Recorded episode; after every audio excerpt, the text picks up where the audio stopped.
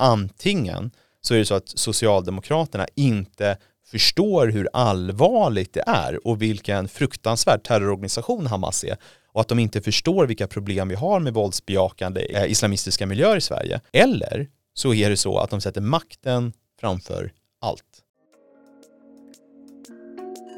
Du lyssnar på Stockholmspodden, en podcast av Moderaterna i Stockholms stad och län.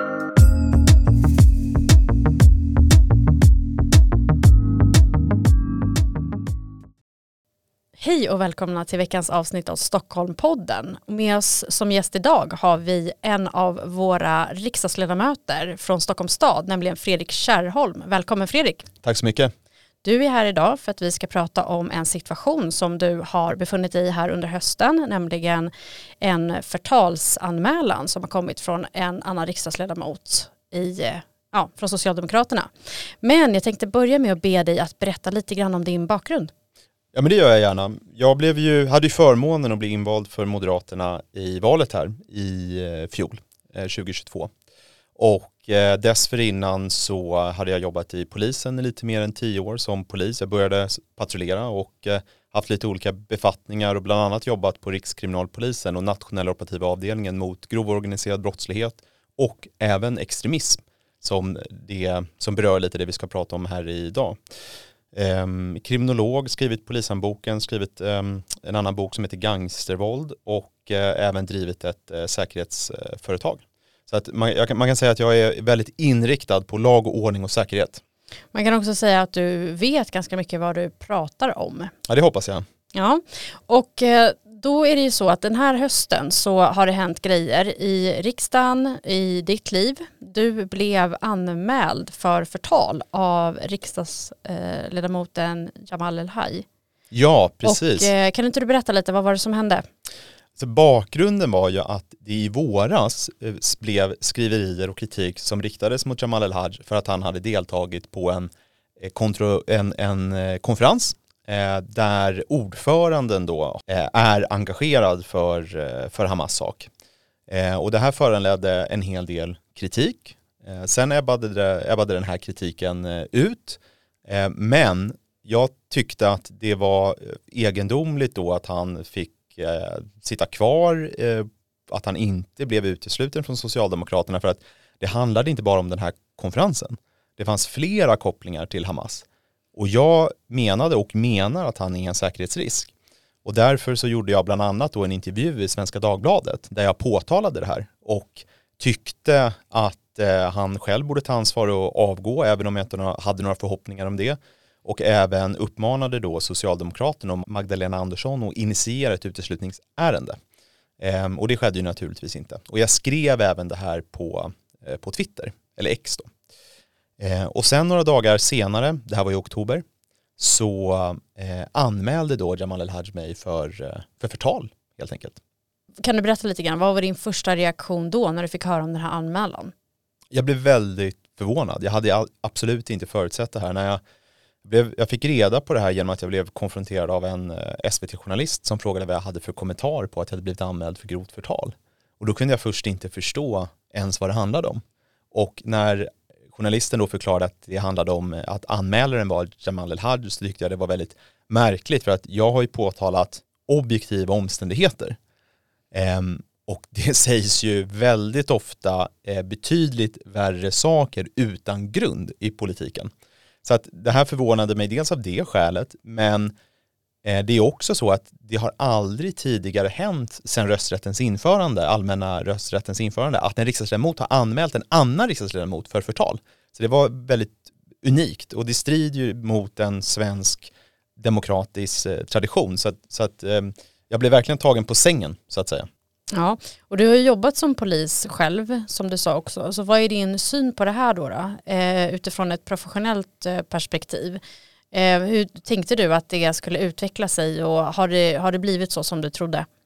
Ja, alltså, jag skulle först bara vilja säga några ord också om de här kopplingarna, för det tycker jag är liksom relevant att gå in på. Vad är det det handlar om? Ja, precis. Ja, först kan man väl säga att med, när det gäller den här konferensen så var det ju många riksdagsledamöter först som skulle vara med, mm. eh, men de allra flesta backade ur det här, eh, utom han då. Mm. Eh, men sen så är det ju inte bara den här konferensen som ligger till grund för din bild, utan vad är det mer? Nej men precis, konferensen i sig är väldigt problematisk.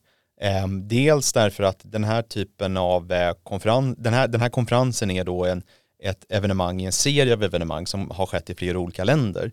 Där eh, vissa hävdar att huvudsyftet är in, insamling till Hamas. Och han som var ordförande på den här eh, konferensen, eh, Amin eh, Abu Rashid, han är nu häktad i Nederländerna misstänkt för terrorfinansiering. Eh, och den här då personen sitter El-Haj bredvid på konferensen, kramar på konferensen och det är ju självklart att eh, El-Haj vet vem det här är. Eh, och nu har det ju dessutom här eh, igår framkommit nya uppgifter om att El-Haj även var med och planerade genomförandet av konferensen. Han var inte bara där som en gäst då, eh, enligt, enligt tidningen Bulletin. Men sen så finns det en lång rad andra eh, omständigheter som är väldigt besvärande. Och det här sträcker sig väldigt långt tillbaka i tiden. Jag, jag tänkte jag kan nämna några och de det finns liksom tydligast belägg för som eh, otvivelaktigt har hänt. Men 2004 så deltog El-Haj på en sorgeceremoni för en av Hamas grundare. Och då ska vi också komma ihåg att Hamas är alltså en organisation som inte bara använder terrordåd mot civila som medel, utan vars mål är att utrota Israel och judarna. Alltså det här är en organisation som är ond. Jag, jag tycker man kan jämföra Hamas med en nazistisk organisation. Eh, det här, det här är liksom extremt allvarligt och då är det anmärkningsvärt att varför går han på en sorgceremoni för en av grundarna? Sen så finns det ytterligare saker som har hänt, till exempel då så har ju han deltagit på en manifestation där han står intill två stora Hamasflaggor. Skulle jag någonsin i en demonstration stå kvar om det viftas med stora röda nazistflaggor med svarta hakkors? Nej, det skulle jag inte. Jag skulle gå därifrån. Varför står han kvar? Jag tycker det är en berättigad fråga. Eh, och sen har han också delat desinformation. Och det här tycker jag ju då är angeläget att påpeka mot bakgrund av att Säkerhetspolisen varnar för att vi har växande radikala våldsbejakande islamistiska miljöer i Sverige eh, där det finns då bland annat Hamas-sympatisörer. Och då menar jag att Jamal El-Haj har genom sitt eh, agerande skapat en säkerhetsrisk. För att det här är också viktigt att förstå vad, vad som är skillnad på hot och risk. Om, om du utgör ett hot, då är du så att säga medvetet och avsiktligt en fara. Eh, är du en risk, det innebär typiskt sett att du kan agera på ett sätt som kan få negativa konsekvenser på grund av framtida handlingar. Och det det här handlar om är ju att El-Haj då som socialdemokratisk riksdagsledamot legitimerar de här våldsbejakande islamistiska miljöerna. Eh, det enda ansvarsfulla att göra är att ha, alltid hålla en, en armslängd avstånd, ta avstånd från det här och motarbeta deras värderingar. Inte delta tillsammans med Hamas-sympatisörer i olika sammanhang. Så att där i ligger så att säga säkerhetsrisken. Enligt Magdalena Andersson så har ju han ägnat sitt politiska liv åt att bekämpa Hamas. Hur går det ihop med det här som du nu tar upp? Han har skrivit ett hundratal motioner i riksdagen och ingen motion som han har skrivit själv, där han är ensam författare, har han överhuvudtaget nämnt Hamas. Det har inte hänt en enda gång. Sen tror jag att i tre motioner som har skrivits så har Hamas nämnts, men det har ju absolut inte varit någon tydlig kritik mot Hamas. Dessutom så är det ju en av de motionerna som är lite mer tydlig i sin kritik som har skrivits efter den här kritiken. Och eh, det som jag också har reagerat på är ju att han har inte tagit avstånd från Hamas men det är först efter att kritiken om det har kommit som han då väldigt pliktskyldigt och ytterst försiktigt har liksom yppat kritik mot Hamas. Men det kan ju noteras att han har till exempel inte gjort det eh, på sin Facebook-sida direkt riktat till sina egna väljare utan det har skett då genom ombud, pressekreterare och så vidare. Och det här tycker jag också är någonting som visar att han tycks inte förstå problemet med hans eh, eh, då, kopplingar till, till Hamas och på det sättet han agerat eh, tidigare. Vilket gör mig bekymrad att han kommer fortsätta agera på ett sätt som legitimerar den här typen av våldsbejakande extremistiska miljöer. Och det är därför Socialdemokraterna borde ta sitt ansvar och helt enkelt utesluta honom. Men det gör man inte. Och det tror jag delvis handlar om att han har ett väldigt starkt stöd. Han drar röster. Han, han, har, han fick väldigt mycket kryss i senaste valet. Mm. Um, Okej, okay. och du har använt dig av ett ord eh, som, eh, som är mer kanske bekant i andra eh, politiska eh, system eller i andra delar av världen, lawfare. Eh, vad innebär det för någonting? Ja, men när den här anmälan kom så upplevde jag att det var uppenbart att det var en politiskt motiverad anmälan. Att syftet var att få mig att eh, tysta och upphöra med, med min kritik. Och det är vad man brukar kalla en lawfare, det vill säga att man tar till juridiska medel eller använder rättsväsendet för att tysta sina politiska meningsmotståndare. Termen som man hör då kommer ju från eh, USA där det ofta drivs då eh, processer där man stämmer varandra. Det här är en, en, en variant på det, att man inkommer med, med en anmälan. Och ja, jag är orolig för att det här kan bli vanligare. Vi har sett eh, tidigare här nu de senaste åren med olika politiker som som har blivit eh, anmälda och då har det framförallt handlat om då anmälningar från vänstersidan mot eh, högerpolitiker. Eh, men vi hade också till exempel Ann-Sofie Hermansson som är socialdemokratisk politiker i Göteborg som blev, eh, eh som blev anmäld för förtal och där det blev ett enskilt åtal mot henne. Eh, och det kräver ganska mycket av en att stå pall i den typen av situationer. För att även om du vet att du moraliskt har rätt så är det besvärande att bli en del av en sån här juridisk process. Journalister hör av sig direkt eh, och ställer kritiska frågor och man ställs mot väggen. Eh, jag fattade direkt ett beslut att eh, jag kommer inte backa utan jag har rätt i det jag säger, eh, jag har rätt i sak och det, det jag framför måste kunna, eh, måste kunna framföras i en demokrati. Så att det jag gjorde efter att jag blev eh, anmäld eh, var ju att jag faktiskt skrev en debattartikel i Expressen där jag utvecklade mina resonemang och min kritik mot Jamal El-Haj. sen tycker jag också att det Jamal El-Haj verkar ju, eller verkar, han har använt den här anmälan och förundersökningen som ett svepskäl för att inte svara på journalisters frågor. Så att när han har fått frågor om allt det här jag har nämnt har han sagt nej jag kan inte kommentera det för det pågår en förundersökning vilket är kvalificerat skitsnack. Om det är någon då som har en anledning till att inte svara på journalisters frågor så är det ju den som i så fall är anmäld. För det kan på eventuellt då för försvåra ens försvar. Men den som är målsägande, den som anmäler, finns ju ingen anledning till att den personen inte skulle kunna kommentera. Så det har varit ett uppenbart svepskäl. Eh, och nu får vi väl se här om, eh, om han slutar gömma sig när förundersökningen är nedlagd, vilket den, den blev här i, eh, igår. Vad tror du att det här gör med det demokratiska samtalet om man riskerar att bli förtalsanmäld när man ja, uttrycker sig på ett sätt som man tycker är rätt och riktigt själv? Alltså jag, jag hoppas i och med den här processen att det är ett bra besked för den demokratiska processen som visar att det här fungerar inte. Ehm, och just när det kommer till eh, politiker och riksdagsledamöter så är ribban eh, hög. Det vill säga att man, det finns ett stort utrymme för den politiska offentliga debatten och det tror jag är väldigt viktigt. Ehm, och jag hade ju såklart mycket hellre mött Jamal El-Haj i en debatt och det skulle jag fortfarande gärna göra jag tror inte att han kommer ställa upp på det, men det är ju så, så att säga, demokratin måste fungera. Jag, jag, som sagt, jag, jag, jag tror in, jag, tror, jag tror att det här är ett eh, positivt besked för demokratin och jag tror det visar, att, eh, visar andra eh, riksdagsledamöter att man inte ska vara, vara rädd för att framföra kritik. Ja, som du säger så har ju han inte svarat på en enda fråga egentligen om den här processen och han har duckat intervjuer hela vägen fram till nu. Varför tror du att man då ger sig in i den här situationen om man ändå inte vill stå för den här anmälan som man har gjort? Det är en väldigt bra fråga.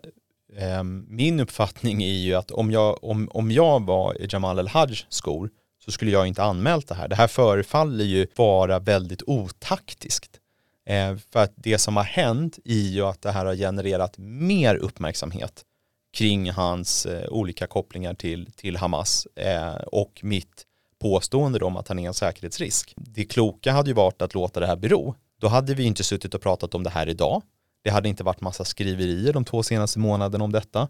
Så att jag är tveksam till om det här var förankrat på högre nivå i socialdemokratiska partiet. Jag tror han har gjort det här på eget bevåg och jag tror också att eh, den socialdemokratiska partiledningen har varit ganska besvärad av att han har gjort det här. För de hade nog allra helst velat bara sopa det här under mattan. Ja, och det är ju till och med så att det har eh, växlats upp till absolut högsta ledningen i Socialdemokraterna där Magdalena Andersson har gått ut i fullt försvar egentligen och hållit honom om ryggen hela tiden. Hur tror du att det här kommer påverka hans roll framåt i riksdagen? Han har alltså inte lämnat riksdagen alls utan han har fått lämna försvarsutskottet och sitter nu med trafikutskottet. Utrikesutskottet, så han var suppleant i utrikesutskottet. Så var det. Eh, och och eh, lämnade då enligt uppgift självmant men ja, det, det är väl inte överdrivet konspiratoriskt att tro att han kanske har varit utsatt för vissa påtryckningar för att lämna utrikesutskottet. Men, men någonstans här, det här, det här menar jag är digitalt. Alltså antingen så har det han gjort inte varit klandervärt och inte varit problematiskt och då kan han ju rimligen sitta kvar i utrikesutskottet. Eller så, fin, så är det problematiskt. Och då tycker jag att det blir en väldigt märklig halvmesyr att han bara ska lämna sin plats i utrikesutskottet. Utan då får ju Socialdemokraterna ta fullt ansvar eh, och faktiskt initiera ett uteslutningsärende. Eh, och för att återvända då till den här jag, jag, nu jämställer jag inte Hamas och, eh, eh, och någon nazistisk organisation, men som ett hypotetiskt scenario, om det hade varit så att jag hade haft alla de här kopplingarna till eh, nazistisk miljö och nazistisk organisation, deltagit i planerandet av en NMR-konferens, deltagit i demonstrationer bredvid nazistflaggor, gått på en minnesceremoni för en framliden grundare av en nazistorganisation, då hade inte jag suttit här nu. Jag hade blivit utesluten direkt. Och det här är väldigt märkligt då. Det, det, det, här tycker jag visar att antingen så är det så att Socialdemokraterna inte förstår hur allvarligt det är och vilken fruktansvärd terrororganisation Hamas är och att de inte förstår vilka problem vi har med våldsbejakande extremistiska eh, islamistiska miljöer i Sverige. Eller så är det så att de sätter makten framför allt, eh, sätter strategin framför allt och oavsett vilket alternativ det är så är det ju väldigt illa. Det verkar som att taktiken är attack är bästa försvar. Att man går ut och säger att eh, ja, men han har minsann eh, jobbat hela sitt liv mot att eh, ja, motverka Hamas snarare än tvärtom. Och att alla därmed ska köpa det. Ja, eh, precis. Och det, det här blir ju också liksom en väldigt märklig efterhandskonstruktion. För att det finns ingenting som visar att han aktivt har motarbetat eh, Hamas utan tvärtom så pekar allting på att han har så att säga flörtat med Hamas-sympatisörer av politiska skäl eh, och han har fraterniserat i, i olika Hamas-relaterade sammanhang eh, för egen politisk vinning och eller för att faktiskt stötta dem. Sen då så har man ju på ett ganska slugt sätt eh, försökt positionera honom här nu som som väldigt tydligare mot, tydlig motståndare mot, mot Hamas med han har skrivit ett, ett par debattartiklar och han har skrivit en, en motion. Men allt det här har ju skett under galgen, eh, vilket gör att jag är tveksam till vilken genuin övertygelse han har. Och dessutom har det ju också varit, man har väldigt, varit väldigt försiktig i sin kritik. Man, det, för mig framstår det som att man har gjort minsta möjliga för att på något sätt i den eh, offentliga debatten bara kunna hävda att han inte, absolut inte har några kopplingar till, till, till Hamas. Och det som jag tycker är eh, anmärkningsvärt är ju att i hans egna kanaler där han kommunicerar direkt till, till, till sin väljarbas i Malmö har han ju inte på något sätt tagit avstånd från, eh, från Hamas. Har du träffat honom i riksdagen under den här perioden? Jag har faktiskt inte gjort det. Och det, det beror nog mer på slumpen än, än, äh, än någonting annat. Vad skulle du säga om du träffar honom? Jag vet inte om, jag vet inte om jag, vi har så mycket att säga egentligen för att vårt enskilda meningsutbyte är väl mindre relevant utan det som skulle vara relevant är ju att ha ett offentligt meningsutbyte, en debatt. Ehm, och där har jag i olika sammanhang sagt att jag gärna skulle ha en debatt med honom och det skulle väl i så fall vara det jag föreslog. Men jag har inga förhoppningar om att han skulle tacka ja, även om jag skulle gå med på vilken tid och plats som helst. Vi kanske får bjuda in El-Haj till podden. Det vore väldigt vi kan spännande. ha en debatt, en ja. riktig debatt. Ja, men återigen, tveksam om han skulle ställa upp, men det kostar väl inget att ställa frågan. Hur kändes det när du fick beskedet om att förundersökningen lagts ner? Men det var en lättnad. Eh, jag hade hela tiden förväntat mig att det skulle läggas ner. Eh, när förundersökningen inleddes så blev jag faktiskt förvånad att så skedde. Eh, sen har jag inte kallats till förhör. Jag har inte delgetts någon misstanke. Och han har varit på förhör? Ja, precis. Det har, det har han varit. Ehm, och i, när en förundersökning inleds så är det så att säga standardförfarandet att målsäganden, det vill säga den som har eh, anmält ett brott, kallas till, eh, kallas till förhör. Ehm, men jag har alltså inte blivit det. Ehm, ehm så att jag har, jag har respekt för att åklagaren då har velat titta ordentligt på det här i och med att fallet är helt unikt som jag sa inledningsvis så har ingen riksdagsledamot någonsin anmält en annan för förtal. Så att jag har full respekt för att åklagarna vill titta på det här ordentligt. Sen, sen så tycker jag också det, det, tål, det tål också påpekas att det är ju olyckligt att det här har upptagit polisens tid och resurser i ett läge när polisen definitivt har bättre saker att ägna sig åt. Um, och nu är det också så att det är när, när El Haj kommunicerat det här nedläggningsbeslutet själv på sin, um, på sin Facebook så har ju han skrivit att det är fritt fram att begå grovt förtal och då är det vissa som har påpekat att ja men i det här läget så är det faktiskt kanske så att Jamal El-Haj gör sig skyldig till ett brott för att påstå att någon annan har begått ett brott, det vill säga att om man hävdar att jag har gjort mig skyldig till grovt förtal, vilket jag alltså inte har, då är det förtal. Eh, men jag kommer definitivt inte göra någon anmälan för att jag tycker inte att det är ett bra sätt att använda rättsväsendets resurser på. Eh, utan nedläggningsbeskedet var, var väntat och det är klart att det är besvärande att ha en sån här process hängande eh, över sig och det tar fokus från annat viktigt arbete nu när vi genomför ett systemskifte i kriminalpolitiken och jobbar väldigt hårt med de bitarna. Eh, så att, så att det var väldigt tacksamt och nu ser jag fram emot att få en, eh, fridfullt, ett fridfullt julfirande här. Tack så jättemycket Fredrik för att du var med i podden. Tack så mycket. Tack för att ni har lyssnat. Glöm inte att prenumerera på podden för att inte missa när nya avsnitt släpps. Om du vill komma i kontakt med oss och tipsa om något du vill höra i podden så kan du mejla oss på stockholm.moderaterna.se.